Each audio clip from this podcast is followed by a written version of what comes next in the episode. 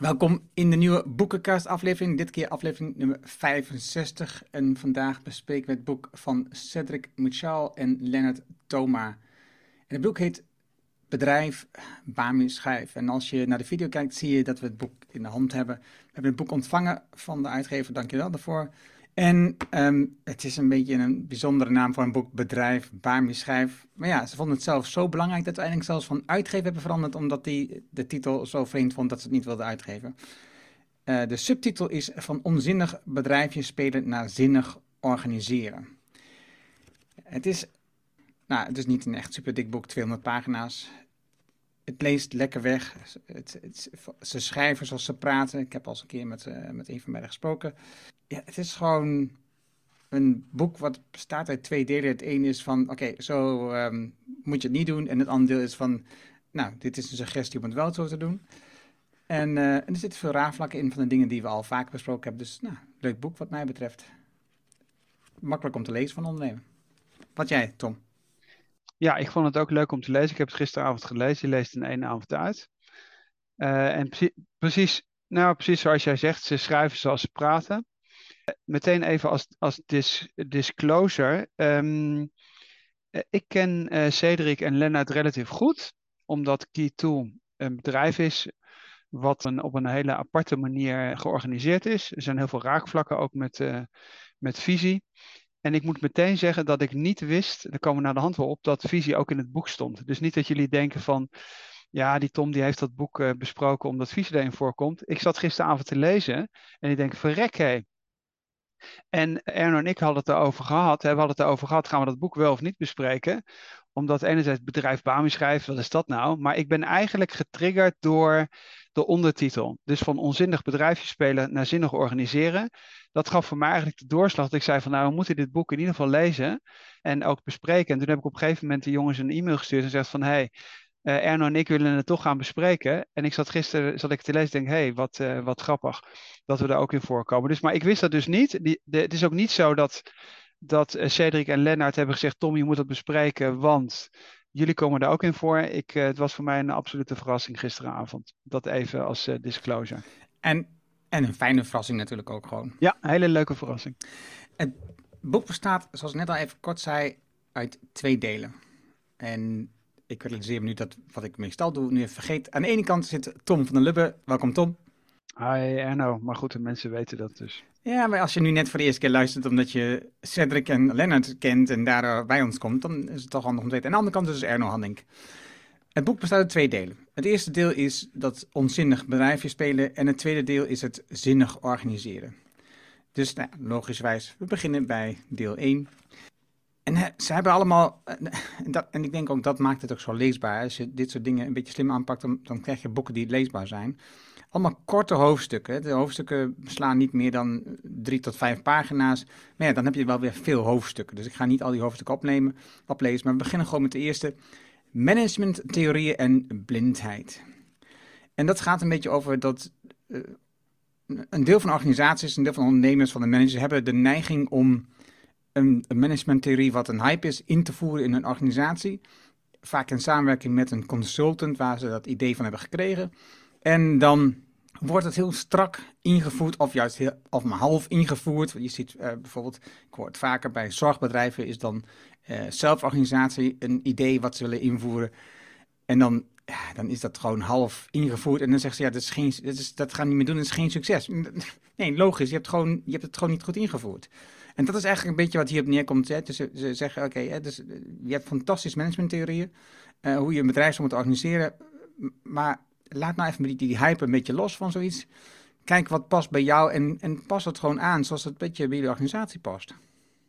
Ja, wat ik, uh, wat ik ook leuk vind meteen in het eerste hoofdstuk, en dat is misschien ook wel belangrijk over de stijl van het hele boek te, dat op te merken, is dat ze hebben een hele nonchalante het zijn een beetje recalcitrante jongens. Die echt uh, niet alleen vlot schrijven, maar ook uh, best wel uh, into the face opmerkingen hebben. Alleen het is een combinatie met, met anderzijds enorm veel kennis van zaken. En, en dat vind ik wat het zo aantrekkelijk maakt. En om meteen een voorbeeld te noemen uit het eerste hoofdstuk, bladzijde 16. is dat ze het hebben over sociocratie. En dan uitleggen dat Kees Boeken in 26 uh, een school op heeft gericht in Beeldhoven. En dat daar Endenburg uh, op school zat. En die dat na de hand in, de, in het bedrijf, in, in zijn elektroniek of elektrotechniekbedrijf heeft geïmplementeerd. Dus dat is eigenlijk zo interessant. De beide jongens die hebben, die hebben enorm veel kennis van zaken, maar durven er op een hele losse manier en, over te schrijven. Hoewel dat waarschijnlijk ook met elkaar te maken heeft. Want als je heel goed weet waar je het over hebt, dan durf je ook stellig een positie in te nemen. En dat voorbeeld wat jij net noemt, eh, waar heb ik het ook heel vaak over. Dus dan wordt gezegd van, kijk maar, zelforganisatie heeft niet gefunctioneerd. Dan noemen ze het voorbeeld Laurens. En dan zeggen, eh, schrijven ze dus gewoon keihard het Rotterdamse Laurens, een van de verpleegkundige organisaties die het probeerde, dus dan gaan ze buurtzorg, uh, wilden ze dus uh, overnemen of kopiëren, ging valikant op zijn plaat. Nou, dat is zo typisch hun manier van, uh, van communiceren. ja, waarom is dat zo? Omdat het management nog steeds ouderwets werkte en het uiteindelijk de besluiten die de verpleegkundigen maakten ook nog moest goedkeuren. Uh, het gevolg is dat Laurens de plannen terugdraaide en de groot gaf aan zelfsturing, omdat het bij hun niet werkte. Raar, hè? Dat is precies wat jij nu net zei. En wat we ook heel vaak, heel vaak, heel vaak zeggen. Um, en dat vind, ik wel, dat vind ik ook wel dapper van ze, omdat ze man en paard ook durven te noemen. Uh, en eigenlijk ook zeggen van ja, ja nee, je, moet je, er wel, je moet wel heel goed weten wat je aan het doen bent. Het is niet maar, uh, en dat suggereert het wellicht een beetje, hè, van onzinnig bedrijfje spelen naar zinnig organiseren je moet ook echt wel heel goed weten waar je het over hebt en ook heel systematisch dat doen. Het tweede hoofdstuk is waarom vergaderen totaal krankzinnig is. En nou ja, ik denk dat iedereen die, die dit soort vergaderingen, die in bedrijven, organisaties gewerkt, die heeft dit soort vergaderingen meegemaakt. Vergaderingen waar je een hekel aan hebt, waar niets uitkomt, waar geen acties uitkomen, waar door mensen, door een paar, een paar mensen heel lang wordt gepraat. En dat is onzinnig vergaderen. Maar het grappige is natuurlijk, want je, hoort dat vaker, vergaderen is totaal onzin. En dan lees je verder en dan zie je toch dat vergaderen belangrijk is in, in de structuur om het te organiseren. Nou, ik denk dat dat een beetje, uh, ik heb daar een beetje een nasmaak onderhand van. Ik heb, het, ik heb het zo vaak gezien. Vergaderen is aan zich niet onzinnig. Je moet alleen goed doen. Je moet het goed organiseren. Het moet niet lang duren. Je moet krachtig zijn. En, en nou, ik heb dat bij Visie, toen ik ooit zeg maar, kennis maakte met het zelfsturing, met Holacracy, bij, bij Visie twee keer meegemaakt. En dan zie je hoe het ook kan. En vergaderen is, als je het goed doet, waardevol. Ja, wat ik misschien daar nog wel aanvullend op wil zeggen is dat, en dat is misschien soms een beetje het nadeel, als je zelf heel goed in de materie zit, dan kun je daar uh, met een glimlach kun het lezen.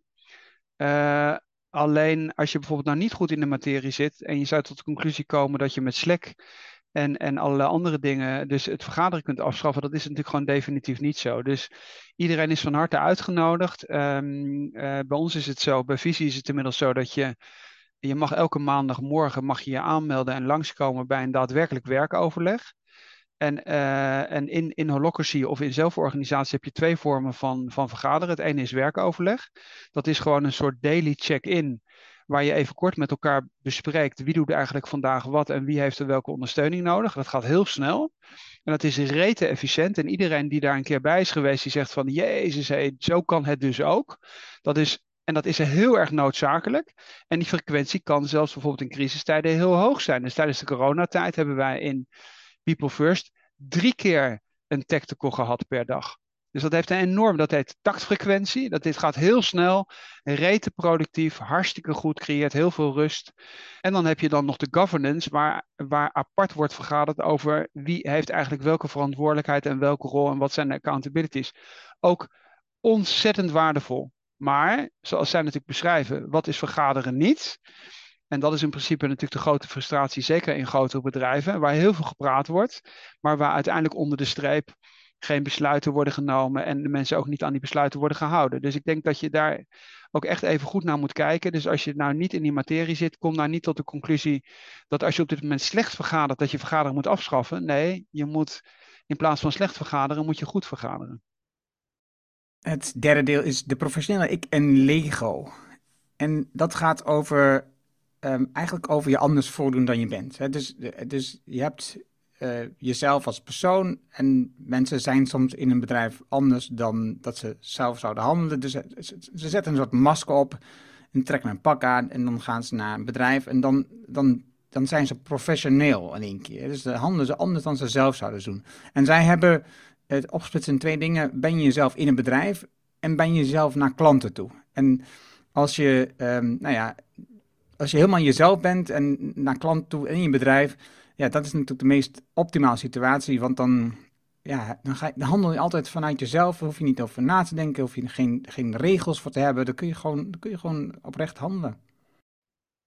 Ja, wat, hij, eh, wat misschien wel belangrijk is, Lennart heeft natuurlijk psychologie gestudeerd. Hij is overigens net een podcast gestart met Thijs Launsbach, uh, zag ik. Waar we overigens ook nog een boek van bespreken, die dat fucking druk heeft geschreven. Dus hij weet in principe waar hij het over heeft. Wat hij hier natuurlijk noemt is even het woord schizofreen.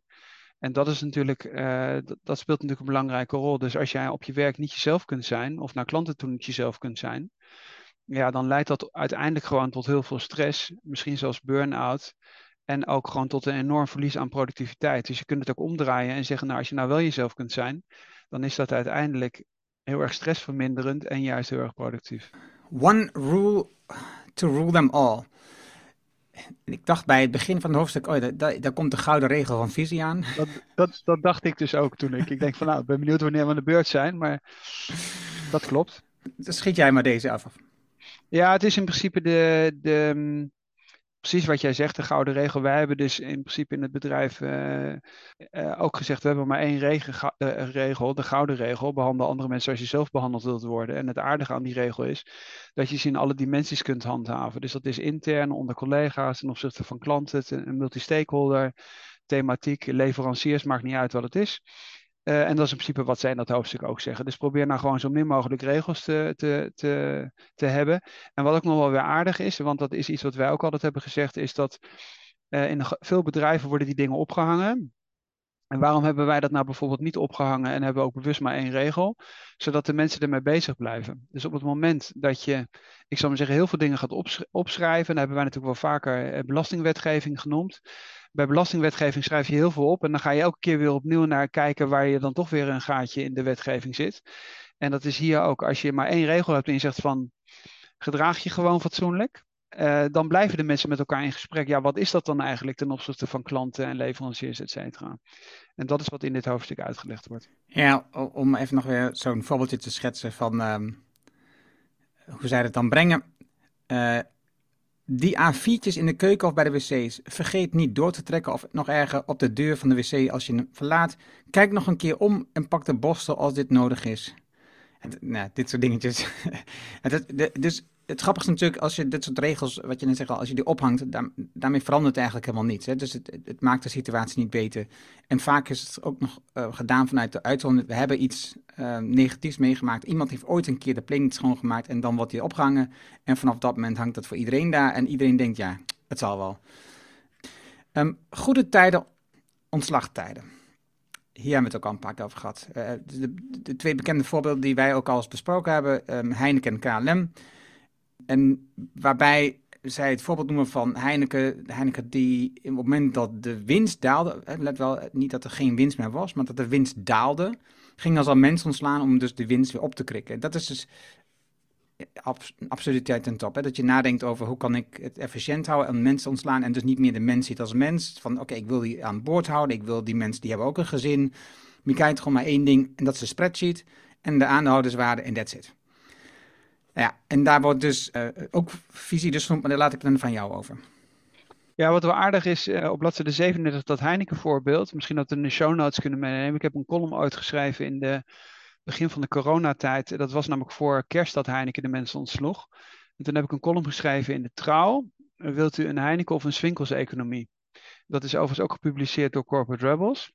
Uh, en daar ging het precies over dat wat hier werd gezegd, dat, dat je dat dus juist niet moet doen. En daar in die coronatijd was het natuurlijk best wel lastig, omdat helemaal niemand wist hoe dat zou aflopen. Alleen daar is, hebben we het ook al vaker over gehad. We hebben gezegd van nou, als je nou in slechte tijden goed omgaat met je personeel, dan word je in de tijden dat de arbeidsmarkt weer krap wordt, word je daarvoor beloond. En dat zie je natuurlijk in principe nu ook. Hè? Big resignation en quiet quitting, uh, al die, al die uh, artikelen die nu daar nu over worden geschreven, ja, dat heb je uiteindelijk gewoon aan jezelf te wijten. Als jij als Heineken voor kerst in de coronatijd een paar honderd mensen weet, denkt te moeten ontslaan, terwijl je nog steeds winst maakt, dat is nu contraproductief. Nou, visie wordt daar als positief voorbeeld genoemd op bladzijde 39. en uiteindelijk gaat het exact daarom. Dus als je gewoon altijd heel erg goed gedraagt, dan is helemaal niks aan de hand. Hier wordt even uitgelegd dat wij altijd met worst case scenario's werken en dat we dan de volgorde hebben. We hebben people first, mensen komen op de eerste plek. En in tijden van crisis gaat het erom dat je nou juist, en dat wordt aan de hand van het voorbeeld van de CEO van KLM ook beschreven, dat je natuurlijk juist als CEO als eerste uh, afstand van je salaris neemt. En Southwest Airlines wordt hier meteen als tegenvoorbeeld genoemd. Hebben we ook al vaker genoemd als, als voorbeeld. Juist, juist in die situatie. En als je dan KLM en Southwest Airlines tegenover elkaar zet, dan heb je in principe exact de verschillen. De CEO van de KLM zei in, uh, op de televisie dat hij nog geen tijd had gehad om over zijn eigen salaris na te denken. Terwijl uh, er wel wat aangekondigd dat mensen werden ontslagen. Ja, dat kan natuurlijk niet. Je moet natuurlijk dan wel het goede voorbeeld uh, geven. En ook sowieso, als je dan ook gewoon met je boerenverstand, en ik, ik kom uit Achterhoek en, en Twente, dus, dus voor mij is dat iets wat ik denk van, je hebt niet genoeg tijd gehad om erover na te denken. Je wel nog genoeg tijd gehad om na te denken ontslaan van mensen, wat, wat veel meer tijd in beslag neemt en veel meer aandacht vraagt, dan gewoon even nadenken voor jezelf, oké, wat is wat ik zou moeten doen? Dat je durft te zeggen, dat, je, dat, dat dat uit je mond kan komen. Ja, dat begrijpt iedereen. Dus je krijgt op een gegeven moment krijg je daar dan uh, de rekening gepresenteerd. En bij KLM ging dat nog, natuurlijk nog veel verder. Dat de bonus zelfs in coronatijden gekoppeld werd met de hoeveelheid staatssteun die ze zouden krijgen. Dus dat is, nou, daar komen de mensen natuurlijk op een gegeven moment gewoon tegen in, in de weer. Of uh, ja, die zullen daar tegen protesteren. Dat is in principe logisch. Dus wat dat betreft, met gezond mensenverstand kom je in een kom je heel ver. Dat betekent ook helemaal niet dat je, dat je in een moeilijke situatie uh, ontslagen zou kunnen vermijden. Alleen het moet het allerlaatste middel zijn. Uh, daar zou zelfs, zelfs begrip voor zijn. En je moet in eerste instantie zelf het goede voorbeeld geven. En als je dan heel veel verdient, dan moet je juist als eerste. En ook veel drastischer je eigen salaris verlagen dan dat je de salarissen verlaagt van de mensen die weinig verdienen. Ja. Oké, okay, dan, dan, komt de deel de groeipers. Nou, ik heb daar een uitgesproken mening over en ik, en ik wil even aan jou laten nu. Dat is in principe natuurlijk iets wat wij heel vaak hebben gezegd. En het is eigenlijk staat de conclusie op in de laatste zin. Zie groei als middel, nooit als doel. Uh, dus um, we hebben natuurlijk ook wel vaker gezegd dat wij geloven in krimp op macro-economisch niveau. Dus als, als economie en als samenleving zullen wij moeten krimpen. Dat, heeft, dat, is, dat is ecologisch. Uh, donut economie, grenzen van je groei, uh, Club van Rome, et cetera, et cetera. Nou, ik weet niet hoeveel boeken we inmiddels daarover uh, al hebben gerecenseerd.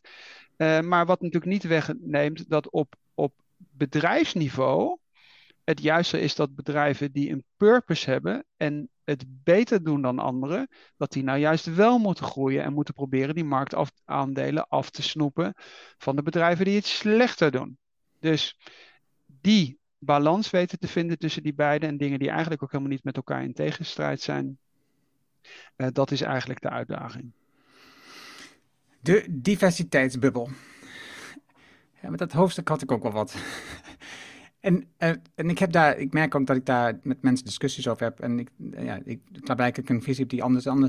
Waar het om gaat is dat je eigenlijk, um, ja, wat, hij, wat ze hier noemen, is bijvoorbeeld dat je de KPI's gebruikt om diversiteit te meten en om, om bepaalde groepen te bevooroordelen omdat je uh, op dat vlak te weinig mensen hebt. Hè. En, en, zij zeggen, ja, als je een klein bedrijf hebt of je hebt een kleine organisatie, je kan niet van alle um, unieke soorten mensen weer iemand aannemen, want dan heb je de organisatie niet voor.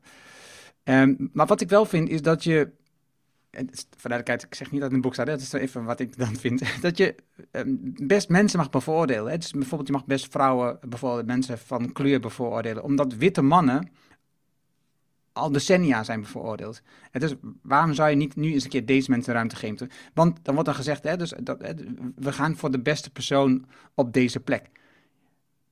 Haal die onzin eens weg uit je mond, want dit is gewoon onzin. Want het is ook niet dat je al die jaren hebt gezocht naar de beste man op de beste plek, of de beste persoon, toen alleen maar witte mannen op dat moment op die plek zaten. Er zitten, er zitten heel veel witte mannen op de verkeerde plek. Dus alsjeblieft, diversiteit, daar wil je graag mee in de slag, dan wil je, zicht, wil je voor jezelf duidelijk hebben. En dat hoef je niet vast te leggen in, in getallen of iets dergelijks, dat zeggen ze ook. Maar je mag best mensen bevoordelen omdat je denkt dat je meer van de mensen in huis wilt halen, omdat je diversiteit zoekt juist in je bedrijf. Omdat dat energie geeft, omdat dat dus um, verandering geeft, dat dat mensen geeft in een bepaalde uh, doelgroep die je op dit moment niet aanspreekt. Dus ik denk dat het een voordeel mag hebben. Ja, ik denk dat. Ehm, ik ben het met jou eens. En ik denk ook dat. Soms kiezen we gewoon automatisch voor de weg van de, van de minste weerstand. Dus ik zou maar zeggen, noem maar een voorbeeld. Neem even een heel concreet voorbeeld bij Visie. Wij zijn bezig een advisory board op te bouwen. Nou is het nu eenmaal veel makkelijker om witte mannen uh, van ongeveer 50 met een lange staat van dienst in de financiële sector, daar kan ik een hele lijst van maken. Zonder dat ik daar heel veel energie in hoef te stoppen. Alleen als ik nou een lijst moet maken met, ik zal maar zeggen, vrouwen, uh, vrouwen van kleur, uh, wat dan ook allemaal voor achtergronden, dan heb, moet ik daar duidelijk meer energie in stoppen. Nou denk ik nog steeds dat het uitermate relevant is om bij dit soort thema's juist wel je te dwingen daar energie in te stoppen, zoals je bij andere dingen ook je dwingt om er meer energie in te stoppen. Nou begrijp ik wel dat er een hoop bedrijven dat heel hypocriet handhaven. Het beste voorbeeld is die Pride, zijn die Pride-logo's van al die corporate organisaties waar, ik zou maar zeggen, om het even heel plat uit te drukken, je broek van afzakt. dat zou om even in de taal te blijven van uh, Cedric en Lennart.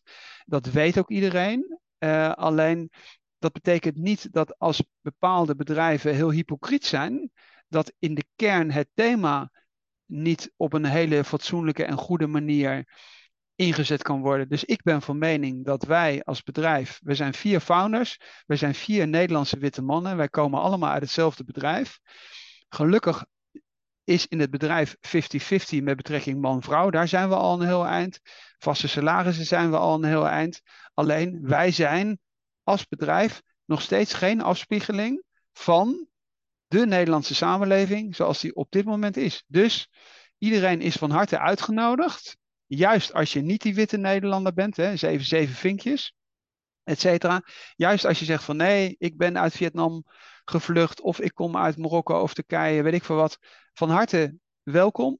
We zoeken juist dit soort mensen en, we, en ik denk dat we meer tijd en meer energie erin moeten stoppen en dat ook terecht is. En je ons niet moeten verschuilen achter die corporates die met, met de, de Pride-vlag in hun logo uh, stoppen, waarvan we allemaal weten dat het behoorlijk hypocriet is. Het volgende is ook een hoofdstuk waar ik wel wat um, gevoel bij heb. Hè. En tegendraad van wat ze hier schrijven. Leiders enkelvoud bestaat niet. En zij hebben het hier over dat um, er zijn verschillende soorten leiders nodig voor verschillende fases van bedrijven. En ze hebben het over een S-curve.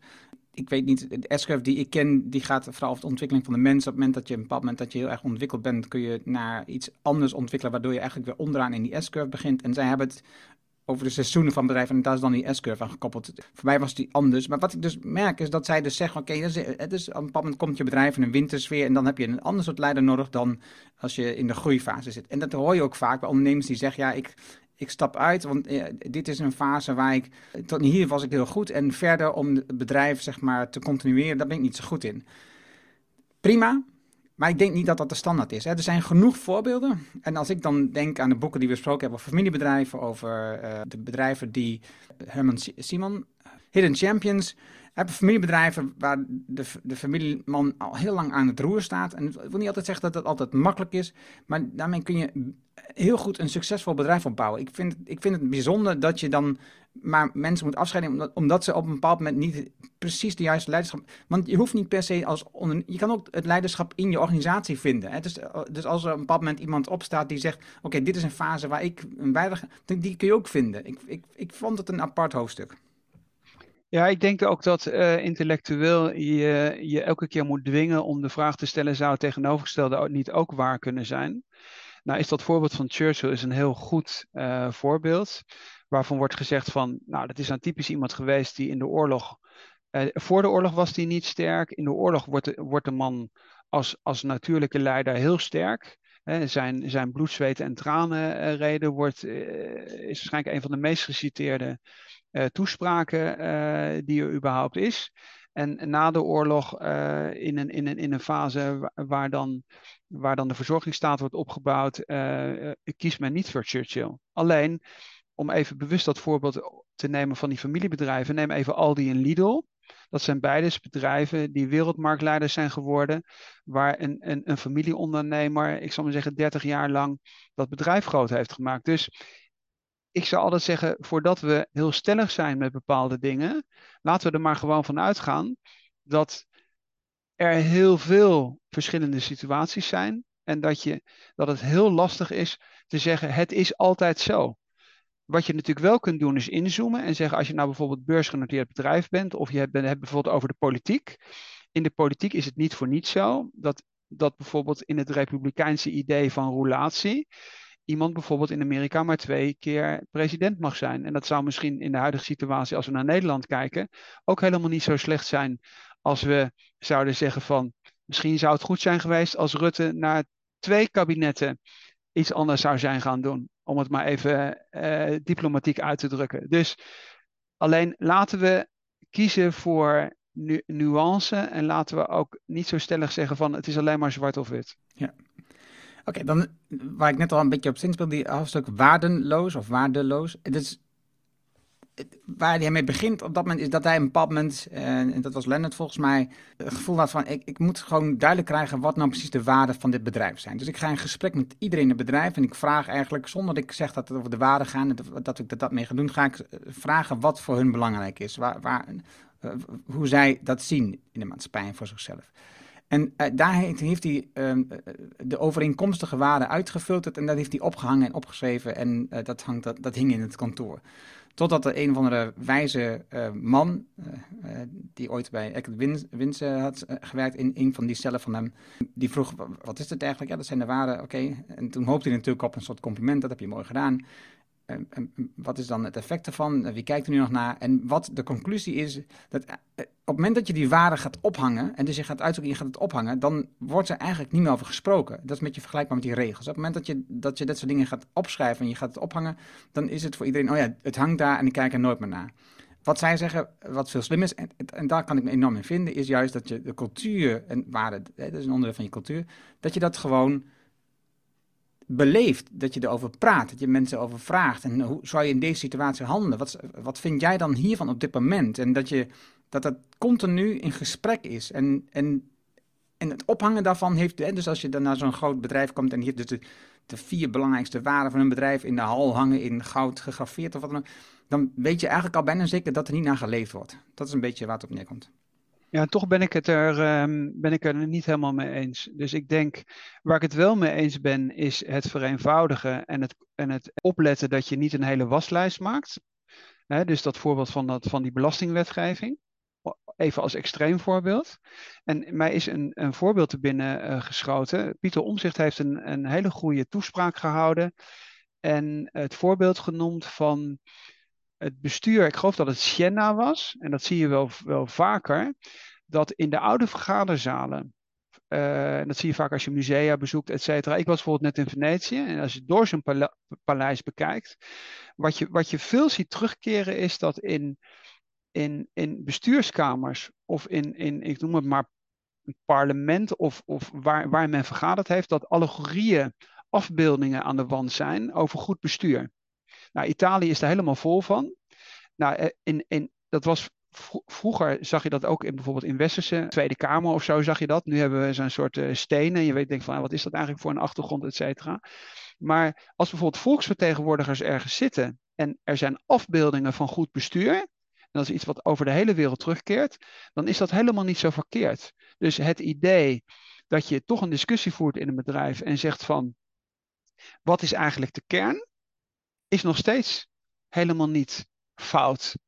En je ziet bijvoorbeeld ook op heel veel huizen, maakt ook niet uit in welke cultuur, ook heel vaak spreuken staan. Dat kunnen religieuze spreuken staan, waar mensen dus, waaraan, waaraan uiteindelijk toch aan, aan waarden en normen geappelleerd wordt. Dat kan ook in wapens zijn vroeger, jumentje en dree. Ik zal handhaven, Nederlandse de spreuk, et cetera. Dus ik vind dit ook toch wel weer iets te simpel. Ik zou zeggen, als je heel veel dingen ophangt in een corporate waar niet naar geleefd wordt, dan heb je datzelfde thema, dat het hypo, hypo, hypocriet wordt of hypocrisie is. Maar dat betekent niet dat als het met een goede intentie is, Nederland, als je in Amsterdam binnenkomt, hangt op een, op een huis staat, de kost gaat voor de baat uit. Oude koopmansspreuk. Wat is daar fout? Wat is daar fout aan? We zitten een beetje dat we de timing van dit boek uh, in de gaten moeten houden, hoe lang wie over praten. dus ik ga een paar hoofdstukken overslaan. Wat we zien is, um, bijvoorbeeld de bio-bullshit had hij het over, dat je, er worden bedrijven opgezet door ondernemers die eigenlijk alleen maar één ding uiteindelijk op bedrijf verkopen. En dat is een vreemde situatie, want in principe als je een ondernemer bent, bouw je eigenlijk geen bedrijf om te verkopen. Je bouwt een, bedrijf omdat je ondernemer bent, dat je iets wilt opbouwen. En um, wat ik, een ander stuk wat ik mooi vond was die argona zwammen. Dat is, dus, het is dat je je organisatie in een soort hark vastlegt. Maar wat het mooie aan dat hoofdstuk was, is het voorbeeld van een van, wat zij schrijft, het eerste organigram in de wereld. En dat ziet er fantastisch uit. Het is echt een super gaaf organigram, waarbij ook de, Tom laat nu een beeld zien, waarbij ook dus de ondernemer of de oprichter onderaan staat. Niet bovenaan en, wat zij zeggen, de shit gaat naar beneden. Maar in dit geval staat hij onderaan. Ik, vond, ik vond dat fantastisch. En voor de rest, ja, weet je, uh, heb jij nog iets bijzonders uit deze hoofdstukken? Ja, inderdaad. Ik vond het ook mooi, want het is in principe is het, uh, het voorbeeld is eigenlijk de natuur van iets wat groeit. Uh, en dus in principe, wat dan hier raad van bestuur zou zijn, om het even zo te vertalen, dat is dan in principe de stam en daaruit groeit dan die hele organisatie. Dus dat is, dat vond ik inderdaad ook, ze noemen dat dan organo, organozwammen. Misschien gewoon in het algemeen over, we hebben er gewoon even wat dingen natuurlijk gewoon uitgehaald. Wat, wat interessant is, is dat eerste gedeelte, ik vond het eerste gedeelte leuker om te lezen komen we dadelijk wel uh, over, omdat het gewoon de combinatie is van veel kennis eh, eh, in een hele losse vorm en, en ook gewoon wat, wat lekkere, goede spreuken erin. Maar goed onderbouwd. En als we dan naar het tweede gedeelte van het boek gaan, dan wordt het in één keer wel heel erg serieus. Dan, dan hebben ze wel een recept van de Bami-schijf ertussen geplakt. Tussen die, tussen, die twee, tussen die twee onderdelen. En het tweede gedeelte, uh, en dat vond ik op zich ook wel weer grappig, uiteindelijk is het gewoon toch wel weer, een, dat is dan weer een klassiek managementboek. Uh, dan moet jij maar even zeggen wat ze daar dan voor letters nemen en welke begrippen dat zijn. Maar dan is het eigenlijk een klassiek managementboek. Dus ik vond het eerste gedeelte vond ik leuker dan het tweede gedeelte. Eens, eens. En ik, het, bij het tweede gedeelte, ik, ik vind het interessant wat ze zeggen. Alle, en ik denk tegelijkertijd, er zijn al een heleboel theorieën. Dus waarom bedenken we telkens nieuwe? We hebben, en dan hebben we een. We hebben net het boek gelezen uh, besproken over autonomie, verbondenheid, uh, competentie en purpose.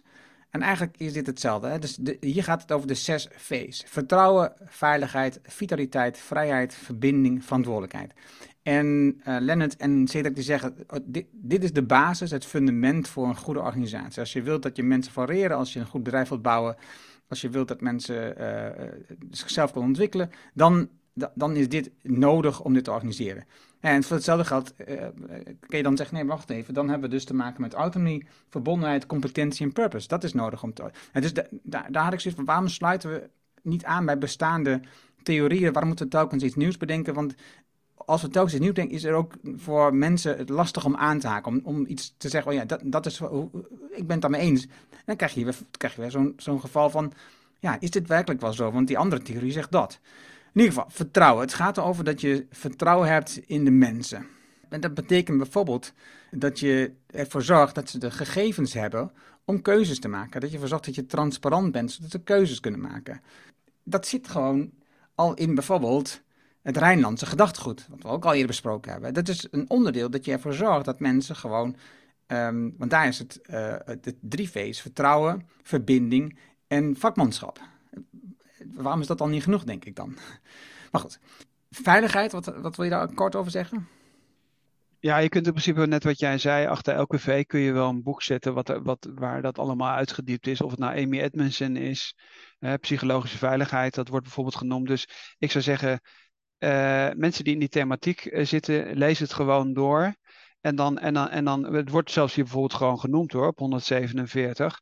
Het bekende onderzoek van Google. Nou, dat heet dan Aristotle-project. Eh, ik, ik, zag het woord uh, Aristotle-project dan niet staan. Uh, Amy Ed Edmondson niet, maar psychologische veiligheid wordt bijvoorbeeld wel genoemd. Dus nou, dat, ik denk dat de mensen dat wel kennen die, die naar ons luisteren. En als je het niet kent, nou, dan moet je gewoon zeggen, lees het boek van Amy Edmondson. Wij hebben dat boek ook gerecenseerd. en dan kun je daar verder de diepte in gaan. Maar daar is natuurlijk niks nieuws onder de zon. Maar wat dat betreft is het natuurlijk ook logisch, want de, de thema's die veranderen wat dat betreft ook niet. En Amy Edmondson heeft het ook niet uitgevonden. Nee, precies. Wat in het laatste deel, ehm, wat ik wel grappig vond, was een bruggetje maken om het te onthouden. En dat dacht ik ook van, oké, okay, dit is ook wel weer wat ik, ik zag hem niet gelijk. Veiligheid en vitaliteit, verbinding en vertrouwen, vrijheid en verantwoordelijkheid. Daarmee kun je het makkelijk onthouden. Ik zag hem niet zo. De V waar je mee moest beginnen, dat ben ik even kwijt. Het stond wel ergens. Dat was, uh, dat was de, het fundament, daar moest je mee beginnen. Ja, maar dat is, zijn altijd arbitraire discussies. Dus je, hebt, uh, je kunt of beginnen met vertrouwen. En dan, en dan nemen zij de positie in van nee, ja, maar dat ontstaat onderling en bij de mens en uh, dat is niet door een institutie.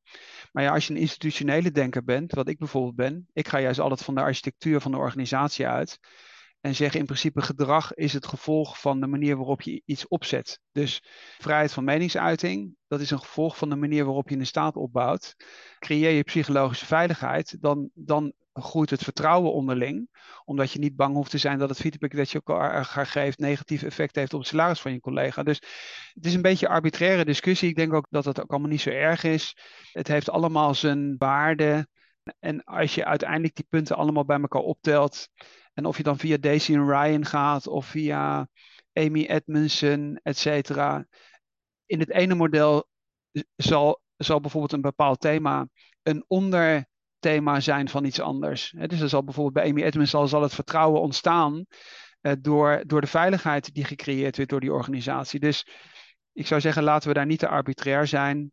Uh, maar liever kijken dat we in principe ons op het doel concentreren en zeggen van nou, hoe kunnen we nou een organisatie opbouwen waar mensen gewoon veel liever werken, met tevredenheid werken, waar mensen zichzelf kunnen zijn. En dat is in principe ook wat Cedric en Lennart bij Key Tool hebben gedaan. En wat ik dan nog interessant vind voor de mensen die hen bijvoorbeeld ook willen volgen, zou mijn appel zijn dat de beide, de beide uh, mannen die hebben, uh, die doen zeer veel, staan veel op het podium, hebben veel goede video's ook opgenomen. dus als je dat gewoon leuk vindt, en je zegt ik ben niet zo'n lezer, dan duik gewoon eens op YouTube en, en kijk eens naar hen. En dan kan het, kan het zijn dat je zegt, oh dat vind ik wel, dat vind ik zo verfrissend. Ik nodig ze bijvoorbeeld een keer uit, omdat zij bijvoorbeeld ook heel graag spreken. Zij delen dat ook, zij delen dat, uh, hun ervaringen ook. En ik denk dat zeker voor grotere organisaties, waar dat best wel lastig is om een toegang ook te vinden, zijn zij denk ik waarschijnlijk zelfs als spreker nog veel interessanter dan als schrijver dat zou mijn uh, takeaway zijn van, uh, van het boek. Ik, wil nog één ding over zeggen over vrijheid. Uh, want daar beschrijven ze een beetje hoe Kate ermee omgaat. Om, om, je een beeld te geven. Dat je voor jezelf een beetje ziet hoe, hoe, hoe anders deze organisatie in elkaar zit. Hè. Je hebt als, als werknemer totale vrijheid. Vakantiedagen die. Um, dat kies je zelf. Dat hoef je niet vast te leggen. Je bepaalt zelf ook vaak vakantie. Als je uh, in dienst wilt treden, dat kan gewoon. Niemand die zegt dat mag niet. Als je denkt dat het nodig is dat je een waardevolle rol kunt toevoegen, kun je gewoon in dienst treden. Je kunt je eigen salaris bepalen. Je kunt zeggen hoe je wilt werken, waar je wilt werken, wanneer je wilt werken. En dat is gewoon zoals jij het bepaalt. Dus mensen krijgen bij Keto enorm veel vrijheid. En daarmee kun je dus mensen krijgen die dus A, ook die vrijheid durven te nemen, die dus het vertrouwen hebben in zichzelf ook om dit te organiseren voor zichzelf. En B, krijg je een, een, een organisatie, een plek waar mensen zich kunnen ontwikkelen op een manier zodat dat bij hen past. Dus, dus het is een bijzondere organisatie. En, en wat, ik al zei, wat jij al zei, luister gewoon naar hun verhalen en, en kijk. En ik zal ook de podcastaflevering die ik al een keer met heb opgenomen uh, toevoegen. En nou ja, dit, dat was het boek. Ik vond het um, leuk om te lezen. En ik, ik ben het eens met je conclusie. Het is uh, deel 1 is leuk om te lezen, want dan snap je, oké, het kan ook anders. Hè? Dus het hoeft niet zoals we allemaal gewend zijn. En deel 2 is in één keer, ja, zo kun je dit zijn de regels waar je aan kunt houden, zo kun je het ook doen. Dan wordt het meer een managementboek. En ook wat minder um, de grappige inslag die ze in het eerste deel hadden. Nou, dat was hem voor ons, wat mij betreft. Dankjewel voor het luisteren. Dankjewel voor nou, dat je weer bent uh, ingetuned op deze aflevering. En nou als het de eerste keer was, uh, blijf gewoon luisteren. Luister andere afleveringen. Ik zal de links in de show notes van verschillende boeken die we genoemd uh, toevoegen. Dan kun je die ook luisteren. En wie weet tot de volgende aflevering. Dankjewel Tom. Dankjewel Erna.